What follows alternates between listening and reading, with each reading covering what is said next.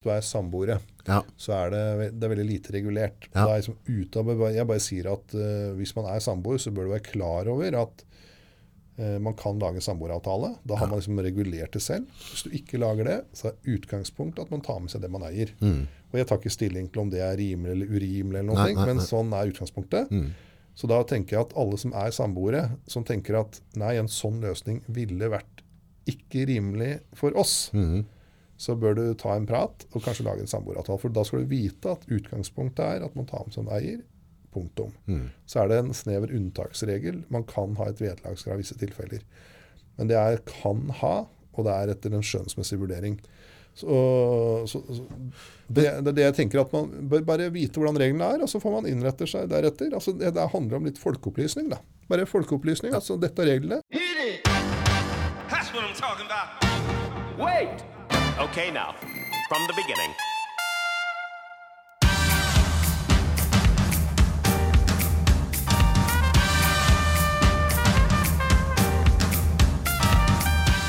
Tre, to, én. Velkommen til Nordpodden, advokat Maurits Årskog.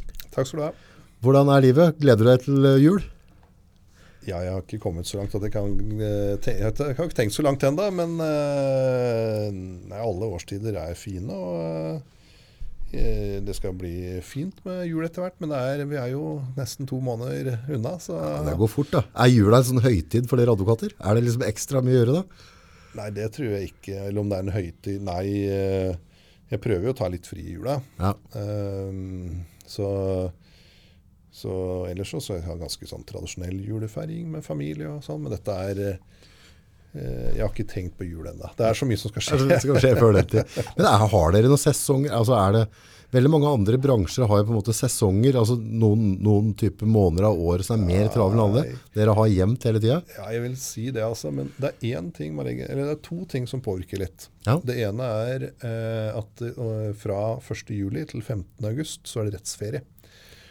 Da er domstolene fri, stort sett. Ja. Eller stort sett er fri. Ja. Så jeg da, I den perioden, som er liksom sommerferieperioden liksom, da er jo vanlig å avvikle sommerferien sin i den perioden, Mm. Um, da kan det være litt stille. Og så er det det jeg opplever, er at de sakene med samlivsbrudd, mm. da er det gjerne en topp rett etter ferie. Rett etter Det, ferie. det har jeg, det har jeg sensa. Har det, har det vært noe, for veldig, veldig mange har jo på en måte frykta dette med samlivsbrudd nå, spesielt i den uh, koronatida.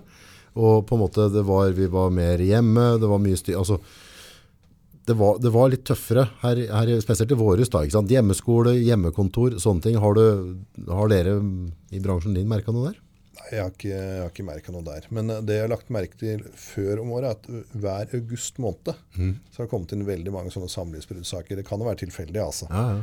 Men i dag har jeg tenkt at, at det kommer så mange i august, det må være et eller annet knytta til ferien som har vært. da. Altså, Jeg tror det kan stemme, for jeg har aldri altså det er liksom, skal ha en sånn topp når jeg er lei kona mi. Og, altså, har du vært gift i mange nok år, da, så, så, så vil det på en måte gå litt opp og ned.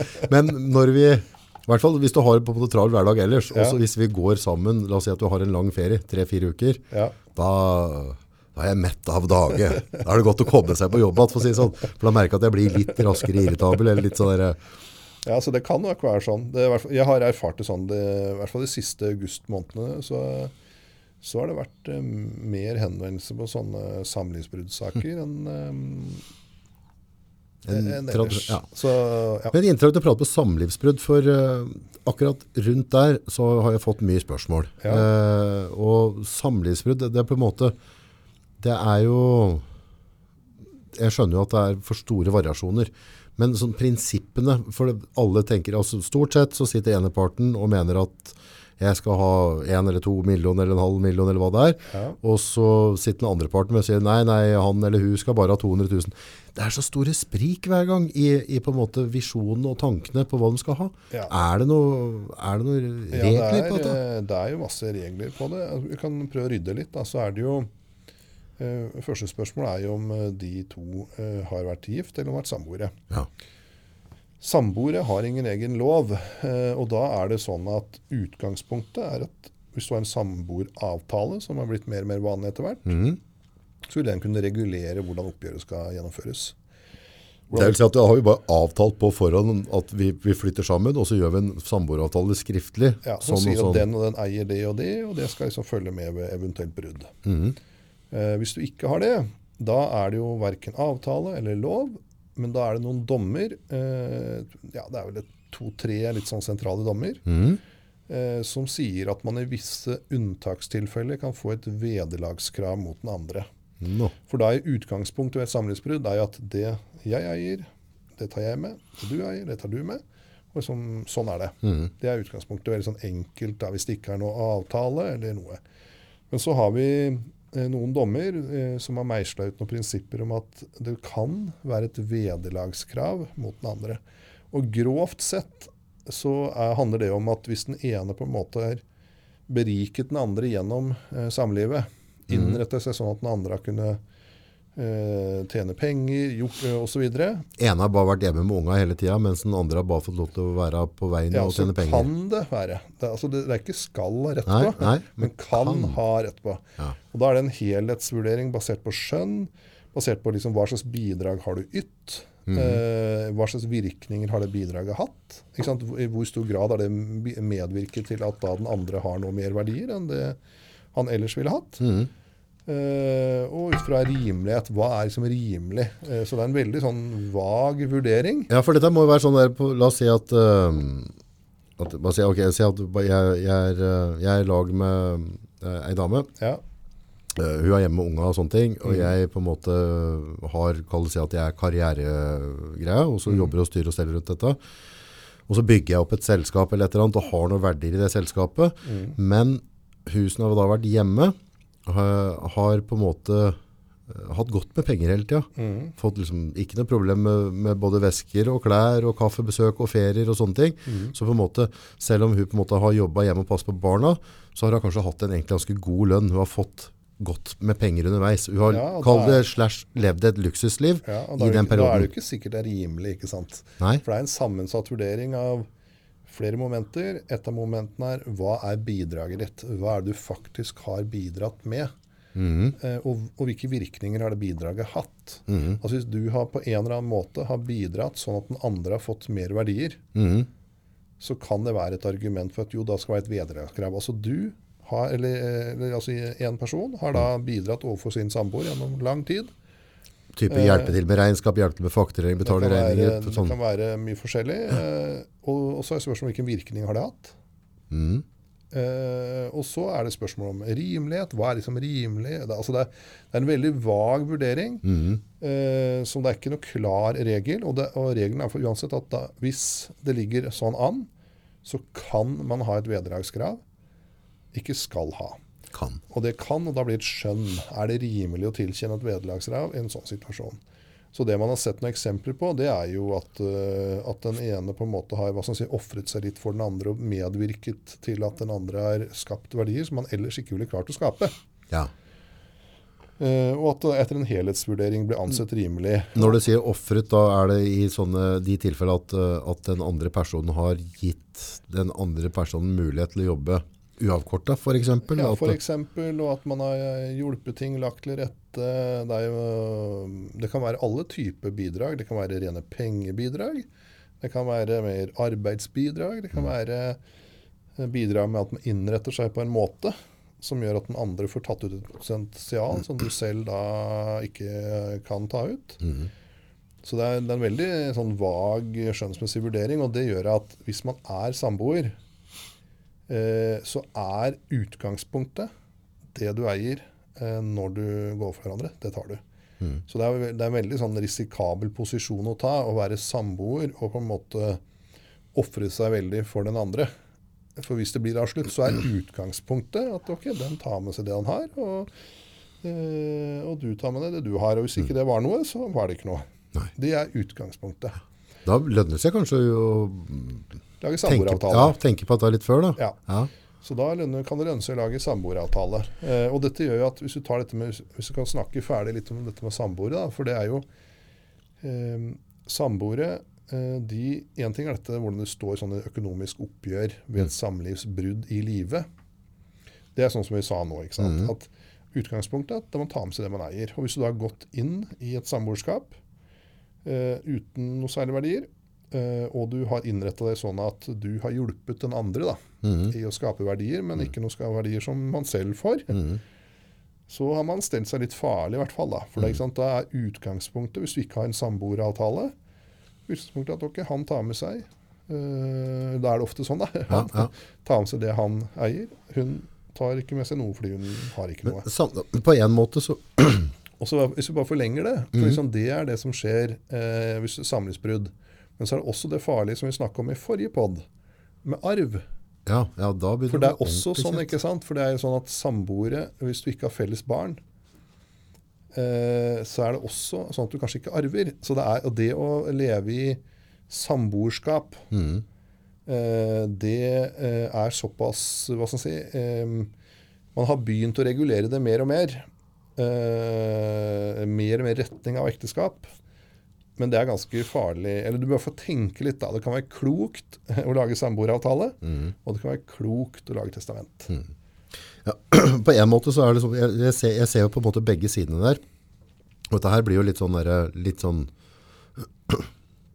prinsipielt da, men la oss si at, at jeg gifter med meg, og så hun er ordentlig i farta. Jeg, jeg bruker mer tid hjemme med unga og sånne ting. Jeg, jeg synes det er ok. Jeg, jeg spiller golf, og har mine hobbyer, og er ikke så veldig interessert. Hun er veldig på ballen. Hun sitter og følger med og spekulerer i aksjer og ordner og styrer, og på en måte satser hver alle kroner hun klarer å tjene selv, satser hun videre på, og får dette godt til. Så et eller annet tidspunkt så sprekker dette der. Og så er det ikke sånn, altså vi har mulighet, vi har SFO, vi har barnehage, vi har skole. Altså det er jo ikke sånn at jeg på en måte har vært en slave av henne og ikke kunne få lov til å gå utenfor huset og prøve å skape mitt eget. Og så i neste øyeblikk, jeg skal ha halvparten. For du, du var så genial i ti år, og bare i dag når jeg gadd å sove litt lenger om morgenen og brukte kveldene mine på å spille golf, og du heller satt og, og leste Dagens Næringsliv, så det, det blir jo litt urettferdig det også. Ja, altså jeg skal ikke si hva som er rettferdig og ikke, men jeg bare sier at hvis du er samboere, Ja. så er det, det er veldig lite regulert. Ja. Liksom ut av, jeg bare sier at uh, hvis man er samboer, så bør du være klar over at man kan lage samboeravtale. Da har man liksom regulert det selv. Hvis du ikke lager det, så er utgangspunktet at man tar med seg det man eier. Og jeg tar ikke stilling til om det er rimelig eller urimelig, eller noe, Nei, nei, men nei. sånn er utgangspunktet. Så da tenker jeg at alle som er samboere, som tenker at nei, en sånn løsning ville vært ikke rimelig for oss, så bør du ta en prat og kanskje lage en samboeravtale. For da skal du vite at utgangspunktet er at man tar med seg en eier. Punktum. Så er det en snever unntaksregel. Man kan ha et vederlagskrav i visse tilfeller. Men det er kan ha, og det er etter en skjønnsmessig vurdering. Så, så, så det, det er det jeg tenker at Man bør bare vite hvordan reglene er, og så får man innrette seg deretter. Altså, det, det handler om litt folkeopplysning. da. Bare folkeopplysning. altså Dette er reglene. Bruk huet. Hvis, eh, hvis dette er greit for oss, så er det greit. Ja. Hvis du tenker at nei, dette er feil for oss, så bør du jo lage en liten eh, Men, og så har du neste da, eh, sånn, en klassisk en som jeg har hørt litt om. Si, kona mi arver et hus. Ja. Ja, eh, 20 år siden kanskje. Er, nok, er det nok kone? For nå har vi snakka om Ja, det samboerskap. Ja, sam, eller samboeren, ja, kanskje samboeren, eller kona, Ja. eller. Så på en måte, samboeren arva et hus for 20 år siden. Mm. Da var det huset, det, verdien var 450 000. Mm. Verdien på det huset i dag er 4,5 million. Ja, Eh, og det er gjeldfritt. ja. Ja, og vi har bodd der sammen. Hvordan har det blitt så mye verdt, da? Det bare, ja, det er jo bare den stigninga av, Ja. eh, altså den på en måte generelle stigninga. Mm. Eh, for det er jo mange som på en måte har arva et hus ganske tidlig, eller etter å ha hatt med seg hus. Verdien på det Mm. var ganske lav da, og så har det hatt en enorm stigning. Ja. Eh, Og det, I sånne tilfeller, det jeg pleier å si til alle som er i en sånn situasjon eller, for da er det en arv som jeg har fått da, fra Ja, noen eller hun har Så den skal utenfor utgangspunktet ikke deles. Den skal ikke altså, deles. Nei, altså Hvis du da tenker at det samboerskapet der Ja, Den ene parten eh, arva et hus, eller hadde et hus eller noe sånt nå, eh, fra før, og så ble det samboere, og så har den andre samboeren flytta inn. Og der har den bodd, og det huset har steget veldig i verdi. Mm. Så er utgangspunktet at eh, den som eier huset, eier huset. Sånn er det. Det er ikke noe å dele. Nei. Eh, Så det, i sånne situasjoner så tenker jeg at da er det to ting da jeg pleier å si til folk som er i sånne situasjoner og liksom lurer på hva som er riktig og sånn. Så sier jeg at eh, ok, jeg kan bare fortelle hvordan reglene er hvis det blir et samlivsbrudd. Ja. Og det er utgangspunktet er det, du, tar med deg det du eier, punktum. Og så er det en snever unntaksregel. ja. Og da tenker jeg at hvis du syns det er urimelig, så er det to ting å gjøre, alternativer. Det ene er å lage en samboeravtale. Da må jo partene være enige da, om Ja, at dette ja. er urimelig. Og det andre er jo at hvis du er sammen med en person som eh, har arva et hus, eller hadde et hus fra før Mhm. Eh, Hvis du har en inntekt, så burde det være mulig å investere litt grann av den inntekten din fortløpende hvert år mm. i noe som blir til noe. Og da forsvinner jo den urimeligheten, da, ikke sant. Ja, for da kunne du... Ja, du I stedet for at du er med, eier halvparten av bo- boligen og betaler halvparten av boliglån og alt dette her hele tiden, så kan man jo kanskje investere tilsvarende beløp i noe annet som er en verdi som blir der og blir der og blir der, og som du har ved et samlivsbrudd. Ja, det vet jeg var et sånt tilfelle her eh, med, med, med noen som skulle flytte sammen. Og så var det den ene personen skulle flytte inn Ja. i huset til den andre, og så hadde den personen en leilighet, Ja. og skulle bare selge unna den, ikke sant? for dette var andre huset bak. Så så må bare leie, leie ut den leiligheten da. Så kan du ha den bak, for du vet jo ikke hva det er om ti år. Nei. Da kan det være din lille investering. For, for, for han kommer til å ha et særeie på det huset, for dette er noen arvet til foreldrene sine Mm. han har bygd opp. Hvorfor kan han ikke bare ta litt av lønna di, om så du må ha, så bare har du den investeringen i leiligheten, så har du i hvert fall en liten sånn, en greie som er din. Ja, altså i hvert fall når det gjelder samboere. da, Mm. og det, Men dette blir også samme på, på ektefeller. altså, For, det, for, det, for dette blir jo sånn skjevdeling ikke sant, når det er arv. Når det er arv, ja. For Ja, da blir det annerledes. Ja, Da blir det også uten, hold uten fordeling. Ja. Så det jeg pleier å si i alle sine sånne situasjoner, er at eh, hvis eh, dere mener at eh, den løsningen loven sannsynligvis vil gi, eh, er feil, Mhm. Så enten må dere lage en avtale. altså Hvis dere er samboere, så blir det en samboeravtale. Mm. Eh, hvis dere er gift, så må dere lage en ektepakt da, med et eller annet innhold. Mm. Eh, andre alternativet er at dere innretter dere at, sånn at den ene får frigjort noe av sin inntekt og putte i noe som blir sitt. Ja. Og da forsvinner jo på en måte den urimeligheten. Ja, det Hvis man ja. mente det var urimelig i utgangspunktet. Ja, ja. Så, men nå har vi snakka en del om eh, samboere, og så er det jo For da var reglene sånn som jeg nevnte, at utgangspunktet, hver sitt, er en snever adgang til skjevdelingskrav. Mhm. Eh, og så er det ektefeller. Eh, og da er reglene ganske annerledes. ja. For da er det jo sånn at eh, hvis du er gift, så kan du velge å lage en ektepakt, altså et særeie. ja. En ektepakt det er en måte du lager avtaler mellom ektefeller om økonomisk fordeling. Mhm. Så det kan jo, Du kan jo lage en ektepakt hvor du sier at det og det skal være særeie, eller eh, det og det skal eies av den og den, og mye forskjellig. Du Kan avtale mye i en ektepakt. Kan, kan du si sånn at uh, i en ektepakt, si at uh, alt jeg har navnet mitt på, er mitt. Ja, alt du har navnet ditt er på ditt. ditt. Og den diskusjonen tar vi ikke engang. Det Ja. blir bare sånn. Sånn. Det er lov. Det er lov, Og det er heller ikke så helt uvanlig. Hvorfor blir det så mye bråk på seg kjendiser i USA da? Nei, det vet jeg ikke, men det er fullt mulig å gjøre det. Også, men hvis du ikke har laget eh, noe ektepakt eller laget særeie, så er det jo lovens vanlige regler som gjelder. Eh, og da er på en måte grunnprinsippene Det er sånn at eh, hvis det blir samlivsbrudd, så er hovedregelen at eh, først så ser du hvilke verdier som finnes hos partene, Mhm. og hvor mye gjeld som finnes. Så trekker du på en måte fra gjelda. Og så ser du hvor mye nettoverdier er det. Og så er utgangspunktet at det skal deles likt. Det er utgangspunktet. Eh, og så er det unntak for f.eks. skjevdeling, sånn som du nevnte. Hvis du en ene parten har arva noe, eller fått noe i gave, eller eide mens man var gift, eh, eller man eide noe fra før man gifta seg, og det fortsatt er i behold, så det kreves skjevdelt, altså holdt utenfor delingen.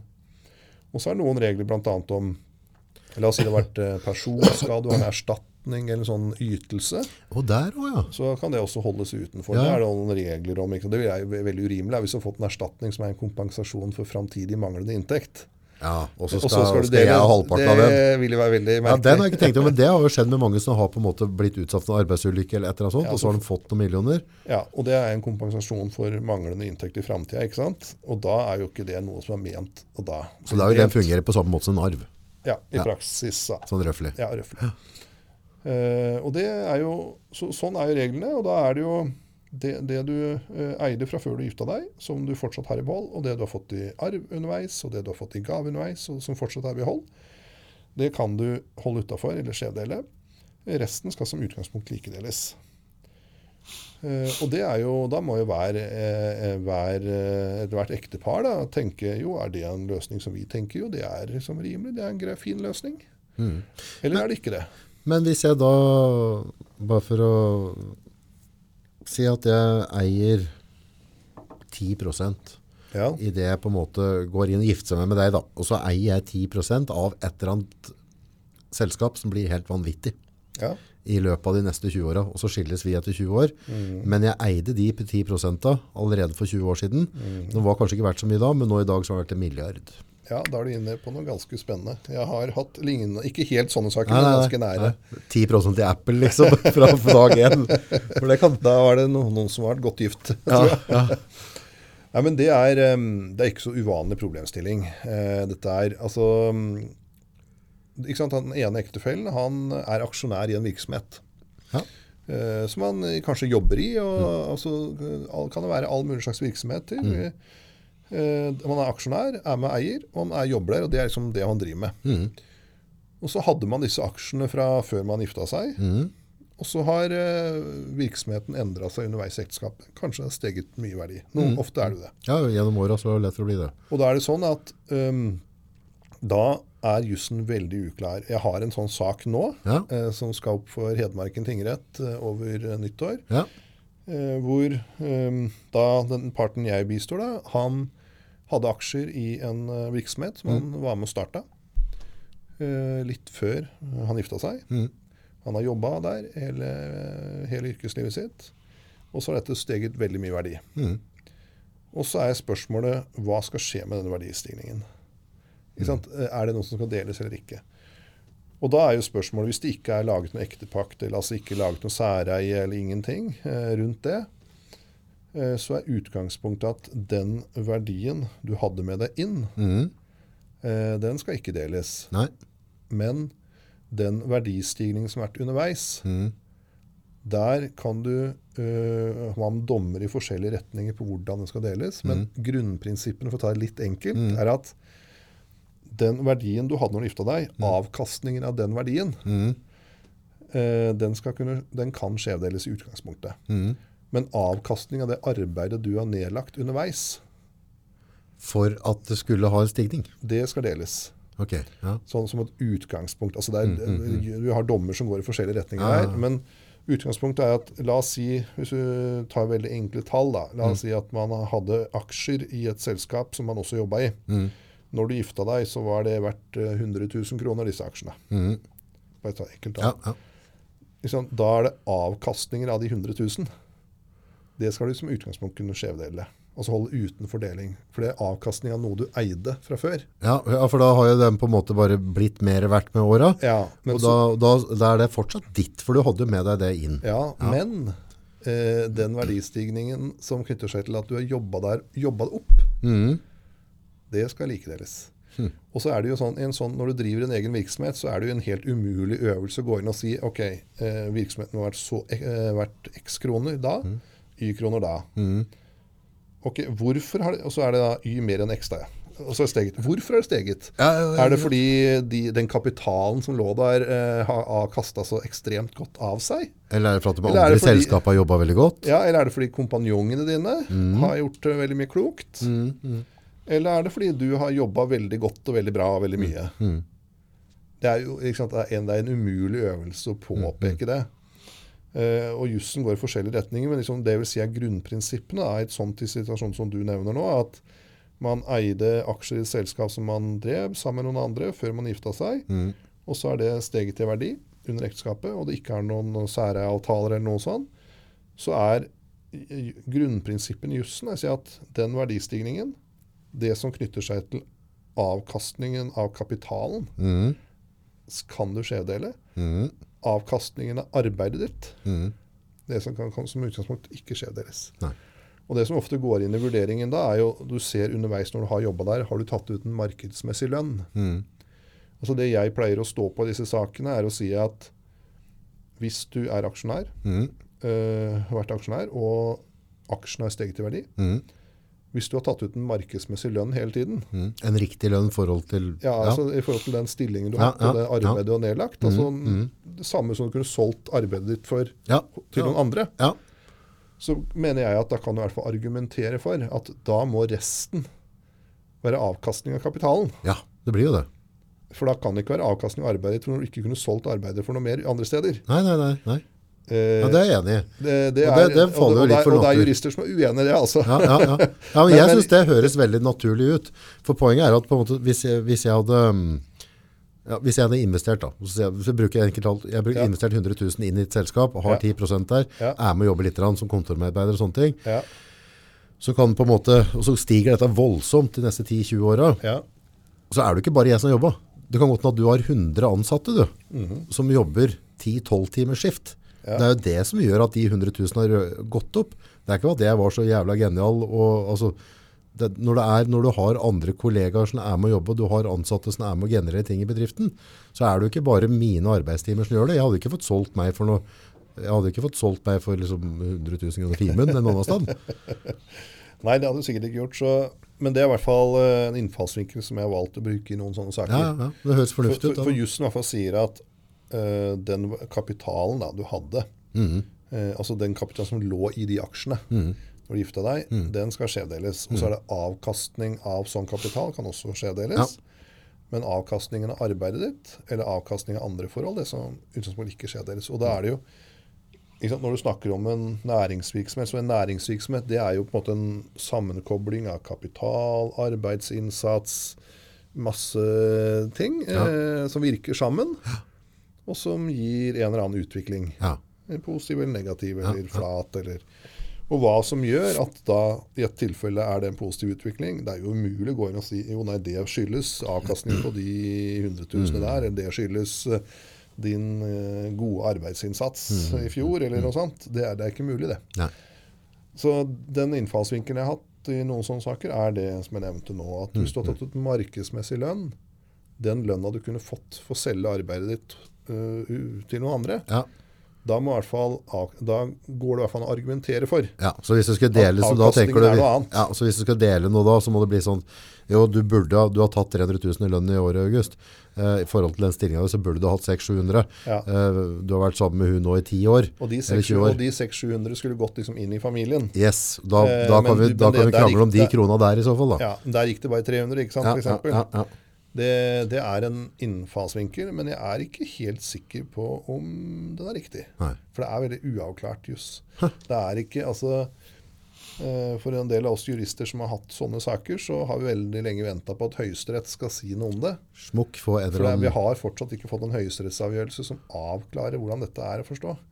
Vi har fått noen lagmannsrettsdommer og sånn som gir noen retninger, og går egentlig litt forskjellig retning også. Så, så her, jeg tør ikke å si eh, overfor eller de som oppsøker meg med Nei, sånne nei, nei, saker, bastant sånn, sånn er det. Men, men jussen er for disse retningslinjene, og det jeg pleier å stå på Hvis jeg representerer den som aksjonæren, da. Hvis, jeg, hvis jeg representerer den som eh, har disse aksjene, og mener at de, han vil helst skjevdele verdien av de aksjene, så pleier jeg å ta utgangspunkt i at ok, har du tatt markedsmessig lønn? Ja, sier jeg kanskje. Ja, hvis det er tilfellet. Ja, da er det jo ikke noe da har du, fått av, da har du tatt ut avkastning av arbeidet ditt. Ja. Det har familien din fått. Ja. Det, de pengene er borte. Eh, ja, det, avkastningen, eller da må det være noe annet. Mm. Da må det sannsynligvis være kapitalen. Men det er, eh, dette er ikke Spennende. avklart. Altså. Spennende. Ikke avklart. Har du noen sånne ekstremhistorier ekstreme historier på dette i Norge? Har det vært noen svære, svære historier på dette tidligere, som der liksom virkelig har... Ja, altså vært spennende? er, jeg har jo vært borti mange sånne saker. Særlig mens jeg jobba i Oslo, så hadde jeg, kommet borti mange saker eh, hvor Klart, eh, Oslo har jo et litt større eh, altså man har, jo, man har jo også her eh, i Mjøsområdet mange som eh, velstående folk som driver virksomheter, men man har kanskje ikke det finansmiljøet da, som du har i Oslo. Nei. Eh, så mens jeg jobba der, så var jeg borti ganske mange sånne skilsmisseoppgjør hvor, eh, eh, hvor den ene var en eller annen type finansmann, investor. Eh, og, og, og da var det veldig vanlig, da, erfarte jeg, at eh, da jobba ikke kona sånn veldig mye. Nei. Og da eh, kom jo disse tingene opp. Eh, enten så var det særeieavtaler. Og da var jo spørsmålet om er det mulig å få satt eh, særeieavtalen til side som ugyldig. Ja. Eller er det den som regulerer det? Eh, eller, eh, eh, eller, eh, eller er det ikke det? Da kommer alle disse vanskelige spørsmålene opp. Altså. Veldig vanskelige spørsmål. Du kan tenke deg, jeg var med i, en sak hvor Altså I Oslo så har jo dette, altså eller over hele Norge, men særlig i Oslo har dette med næringseiendom blitt en veldig god, eller vært en god business i de siste 20 åra. Okay.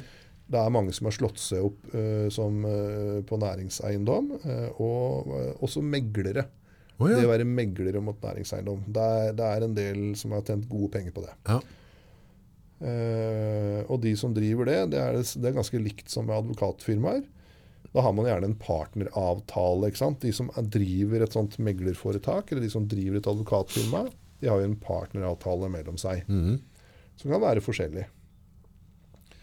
Eh, og da er jo spørsmålet hva er For ta meg, da. Nå, er, nå er ikke jeg gift. Jeg, Nei, men la oss si jeg skulle bli skilt. da. Ja. Eh, hva er liksom aksjene i et advokatfirma verdt? ja, hva er det verdt? Eller hva er aksjene i et meglerforetak verdt? Ja. Hvor det er, eh, hvor det er aksjonæravtaler sant, mellom partene, og hvor, du- hvor du kan, altså, som kom- kompliserer det er veldig. Hva er det verdt eh, ut fra aksjonæravtalene? Eh, så det er veldig i sånne type boer, som det jo ikke er sånn veldig mange av, men eh, en del, så kan det bli eh, veldig mange vanskelige spørsmål, og som har stor økonomisk verdi for de partene da, som er der. Og, og da, eh, da liksom, du, du tok deg en, en virksomhet, er, da er spørsmålet liksom, hva er en virksomhet verdt? Ja. Det, det selv er et vanskelig spørsmål. Ja, det- du, det du, eier, du eier aksjer i noe, hva er virksomheten verdt? ja, hva er det verdt? Altså, Eh, og, og også enda vanskeligere er det jo hvis du tar skrittet videre. La oss si, ta en litt sånn håndfast uh, sak. Da. La oss si du driver en entreprenørforretning. Da. Ja. Da er det maskiner. Opplagt har maskinene en verdi. ikke sant? ja, da blir det litt Eh, og så ja, er det ja. i litt forskjellig innmat, og så er det kanskje en merkevare og litt sånn forskjellig. Så det er, det er et veldig vanskelig spørsmål i seg sjøl. Og så kan du dra det enda videre. Eh, hvis man eh, jobber der sjøl, og det er på en måte verdien av firmaet, det er egentlig navnet og det, jeg si, Person, den. Den personen. Altså for, eh, ofte Ja. kan du si at et firma eh, Hvis på en måte gründeren er borte, så er ikke firmaet noe. Du, dette er jo veldig og, og, og Du ser jo av og til at det er en gründer som driver opp noe, Ja, og så blir han kjøpt ut. Ja. Og så når gründeren er borte, så er det liksom ikke noe. For det, det, det firmaet, det var han. ja, det, ja, det var ja, eh, hans tilstedeværelse, hans på en måte væremåte og navn og omgang med ymse kunder og alt. Skal, hva er det verdt ikke sant? på et skifteoppgjør? Ja, hva, det er ikke verdt noen ting. Ja, Dere kan mene veldig forskjellig om det. da. Ja, men det er jo altså Altså Ta det enda videre. eh, og så kan du tenke, Hvis du tar f.eks. meglerforetak eller advokatfirmaer toppmegler, det er kjempenavnet. Alle vil at skal selge eiendom for den. da, da, Og så er det aksjonæravtaler inne i bildet mellom partnerne eller aksjonærene med forskjellige reguleringer. Og da er det er veldig mange kompliserte spørsmål som oppstår. Men der har du en ting som er litt sånn interessant. Uh, er det noen tommefingerregler på hvordan du på en måte eh, tar ut en verdi i et selskap? Altså sånn Hvordan du verdsetter det? Ja, ja. For der, der, har jeg Ja, hørt, der har ja, jeg hørt en altså- del folk som har spurt rundt. Også, eh, hvis, eh, hvis noen Så jeg, altså jeg, dette er jo revisor og egne folk som jobber med verdsettelse. Ja. Så jeg skal ikke påberope meg liksom, Nei, nei, nei, si at dette er jeg guru på. Men det er jo forskjellige modeller, som er ut, økonomiske modeller som man bruker ja, når du kjøper og selger selskaper. ja. Eh, og det er jo ofte liksom en ganging av f.eks. EBITDA. Det vil si. Eh, eller altså resultatet, da. Ja, ja, Ganger med et eller annet. ja. Hvis du har et selskap da, som ser, omsetter for 20 millioner og har eh, et resultat på slutten av året på 3 millioner i året, etter Ja, altså, alt er betalt. Altså, dette, er, dette er jo et eget eh, fag, og folk eh, er uenige. og det er jo sånn, Hvis du tenker på sånn profesjonelle oppkjøpere, Ja. så har jo de sine modeller når de skal prute prisen ned, ja, og så er det motsatt. og Dette er, så det er, dette, er, uh, dette er ikke noe jeg som advokat kan si at jeg kan veldig godt, men jeg har sett det mange ganger. Og Hvis jeg skulle tippe, da. Ja. Du sier at dette firmaet du snakka om her, Ja. det, det hadde et resultat på 3 millioner, så tipper jeg at det kanskje er verdt 30. Ok, ja. Altså, nå tar jeg det veldig grovt. Altså, ja, veldig grovt. Så ti ganger resultatet. Ja, det er ikke helt unormalt, hvert fall, men det kommer an på bransje. Det kommer an, altså det er, kommer an på hva, hva eier firmaet. da? Altså. Er det bare et resultat av noe, eier ingenting av substans? Ja, ja, ja. Eller eier det mye håndfast? La oss, la oss ta en entreprenør, da, så eier i hvert fall maskinene. Ja, da, da har du en verdi. Uh, Men sånn som jeg driver da, så, på en måte så, vi, Ja, sånn vi har jo ikke noen verdier, vi har bord, vi har noen kameraer, altså, Ja, det, det er peanøtter i forhold til store tenker- andre selskaper som driver med maskiner og sånne ting. Ja, Hvis du tenker i ditt tilfelle, så vil jeg tro at, eh, hvis du jeg, Hvis jeg skal tippe, så tror jeg at på en måte du er driveren. Mhm. Men hvis du hadde klart å etablere på en måte en merkevare som var mer fjernt fra deg, mm. det var en merkevare som sto uavhengig av August Nord, Ja, da det noe, noe da kan, det liksom, da kan det kanskje være noe å selge. Og da vil det være også, for da, da vil den kunne leve videre med nye eiere, ikke sant? ja, ja. Forutsatt at eh, de som eier og driver det, liksom forvalter dette på en god måte. Mm. Og da kan du kanskje se på hva er resultatet, og hva er det forventa resultat framover. Mm. Eh, og jeg tør ikke eh, Altså, jeg er ingen verdsetter, men jeg har sett masse revisorer og eh, andre eh, hva skal jeg si, eh, som har sittet og regna på ut forskjellige modeller.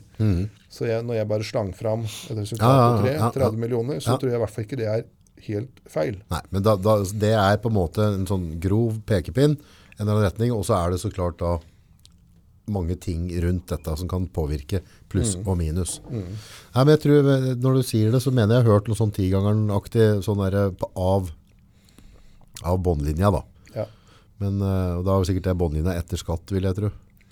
Det tror jeg du må regne med. Ja. Så, men det, dette, er, dette er et fag som er vanskelig. Men da kan du tenke deg, da, når du får eh, alle disse spørsmålene inn i skifteoppgjør, eller altså ekteskapsoppgjør eh, For da skal du drive med verdsettelse, og så skal du dele, og så skal du tolke avtalene. For det er ikke bare verdsettelse. altså I de tilfellene Greit nok at det bare er verdsettelse, men når du også har aksjonæravtaler med ulike begrensninger, klausuler om utkjøp og bla, bla, bla. og Ja, ja, ja, ja. Sånn, og så skal du si hva er dette verdt? Ja, problemet er hvis du ikke har ting i orden her, så kan, dette kan jo bikke et selskap. For ofte så kan på en måte, Ja, det er helt altså klart. hvis du altså. plutselig må, hvis du må betale halve verdien av selskapet, du har jo ofte ikke de penga. Fordi verdien kan være låst opp i, i elementer, eller lagerbygg, eller ja, ja, biler. er altså, Helt klart, og det er jo de færreste, færreste bedriftseiere som er likvide eh, til la, å betale ut. la oss si du får verdsatt bedriften din til x antall kroner, Ja, og så, er, og så skulle det komme en dom som sier at eh, kona di skal ha halvparten av det. det er urimelig. Så jeg tror mange har hatt problemer med å betale ut det sånn uten videre. For Ja, du har jo ikke det likvide penger som du bare kan gå i banken og nå skal jeg, være så god. Ut, ikke sant? Det er, det er de færreste bedrifter som er sånn. De, de har pengene sine i utstyr, i kanskje en eiendom eller to eller flere, i bygg, eh, eh, i fordringer. Ja, ja. eh, og så er det noe som ligger på bankkontoen. Ja. Eh, så det er, det er ikke sånn at eh, Nei, ja. selv om du har en bedrift som omsetter mye penger, så er det ikke dermed sagt at du har millioner på kontoen du kan Nei, det, Vippe ut. det trenger det ikke å være. Det, er, det er jo ofte det som kanskje kjennetegner eh, mange sunne bedrifter òg, at de, de bruker pengene sine der pengene skal brukes for at de skal generere videre. De ligger ikke og hviler på, på, Nei, så, så, så dette er jo, så det er jo dette er komplisert, altså. For det Når familieforholdene blir mer og mer flyktige, Mhm. Så, så bør du i hvert fall, hvis du driver bedrifter hvor det en ting er at du har dine ene, egne økonomiske interesser der, men du har vel også litt ansvar for ansatte osv. Ja, ja, ja. Um, at man bør håndtere det på en ordentlig måte. Og da Aksjonæravtaler er jo én ting, men jeg bør nok også kanskje snakke uh, med eh, kona si om uh, sære kan være tingen. Mhm. Um, Eller gubben. eller gubben, ja. Uh, og eh, hvis det ikke er det, så, så må man få være klar over at eh, hvis dette øker veldig i verdi mens man er gift, så, så må du være forberedt på å mm, skaffe til veie ganske mye likvide penger hvis du skal beholde den bedriften din ved samlivsbrudd. Mm. Eh, at det kan skje. Jeg sier ikke at det skjer, men Nei, jeg har sett mange tilfeller. Eh, Og det er så mye liksom, Når du begynner å verdsette aksjer altså det, det er så mye modeller du kan bruke og regne deg fram til så mye forskjellige tall. Dette kommer til å koste mye penger allerede før det blir enighet der. For dette kan Det, bli mye det er i hvert fall helt sikkert at det er masse advokatarbeid i dette her. Så det er det er eh, altså sånne skifteoppgjør eh, i ekteskapsbord hvor det inngår sånne ting. Mm. Det er masse arbeid, så det er også en veldig kostbar affære i seg sjøl. Masse følelser og alt mulig. Dette, dette, Det- dette er en jungel. Det er det. Dette, Så man har på en måte spekteret. Hvis du tenker på dette med samlivsbrudd, så liksom du har, for det første må du tenke ok, det er, det er ett sett for samboere, og så er det ett sett for ektefeller. Eh, Og samboere, da er jo på en måte, hvis det, er- Har du samboeravtale, da er det den som regulerer det. Har du ikke det, så er utgangspunktet du bare tar med deg ditt. Mhm. Og så er det en snever unntaksregel for eh, eventuelt skjevdeling. Nei, unnskyld, et vederlagskrav. ja, ja. Men det er veldig det Ekstreme kan tilfeller, ja. ha det. Og så når du har ektefeller, så er utgangspunktet ok, har du laget særeie eller en ektepakt med noe, så er det jo det som står seg, med mindre den besatte side som ugyldig. Og hvis det ikke er det, så er utgangspunktet at uh, alt skal deles likt, med unntak av det som kan skjevdeles uh, eller holdes utenfor på annen måte. Ehm, og man har liksom alt fra det helt små, enkle boende hvor man kanskje ikke eier noe som helst, uh, bare et innbo og sånn, og bare går fra hverandre, og det er jo ikke noe å krangle om i det hele tatt. Ja. Til, til, mer katta, liksom. ja, til mer kompliserte, la oss si gårdsbruk kan være ganske kompliserte. ja, for det, Det det som er typisk på gårdsbruk, er jo at eh, det ligger altså Hvis du ser på landbruket, da, så er det jo mye verdier i landbruket, men det er en lav avkastning. Mm. Altså, den typiske, bonde hvis du sa den typiske bonde, da, mm. han sitter ofte på en god del verdier, fordi e- eiendommen, gården, er en stor verdi. Ja. Men det er ikke så veldig høy avkastning av dette her, at det gir så stor inntekt hvert år. Nei. Ehm, og, og det gjør jo at, eh, sånn jeg ser det så, liksom bønder som har, henter ut eh, mesteparten av inntekta si fra landbruket, de, de, de, de kan være sårbare altså, i en sånn situasjon. Altså, for da er det jo spørsmål om Ja. eh, gården eh, er, Ja, skal hele skjevdeles, eller hvordan er det? Og så gården er veldig mye verdt i utgangspunktet. Veldig ofte så er Men du har ikke de pengene til å betale det uansett, Nei, og det er, det er liten likviditet, eh, moderat avkastning, Mm, men verdien som ligger der er stor. mm, -hmm. uh, og det, mm, der har du vans veldig vanskelige spørsmål ofte. Mm. Og hvis det er én yrkesgruppe som jeg ville pekt på som liksom bør tenke ordentlig gjennom dette med å lage ektepakter og samboeravtale, alt dette her, så er det kanskje de som er i landbruket. Mm. For der er det liksom, da har man ofte en stor verdi, eh, men Liten moderat avkastning, avkastning. ja. avkastning. Eh, forhold til verdien så er det jo liten avkastning. Ja, i forhold til verdien så er det veldig, Ja. veldig beskjeden avkastning. Så og så er det de som eier virksomheter eh, ellers, andre typer virksomheter, som, eh, som også bør tenke seg om. Og, og ektefellene Mm. til de som eier virksomheter. Det er jo litt som det vi er inne på her. Altså de de podkastene vi lager her, er jo for å, å kunne informere folk om ting.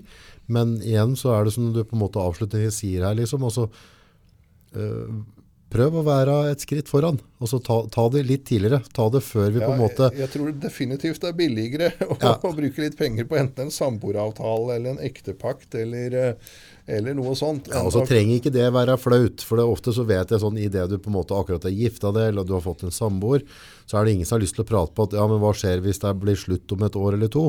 Det er, det er jo ikke noe koselig å ta og bringe det på bordet, men vi kan spare oss for vanvittig mye trøbbel, folkens, hvis vi bare popper det og sier at på generelt grunnlag, så tenker jeg at dette kan være sunt for oss. det, det tror jeg for, ofte for begge partene. Ja, helt klart. Så bra. Ja, Tusen takk for en knakende podd. likeså. Og så får dere bare slenge inn noen spørsmål hvis det er noe, og så, så svarer vi på det.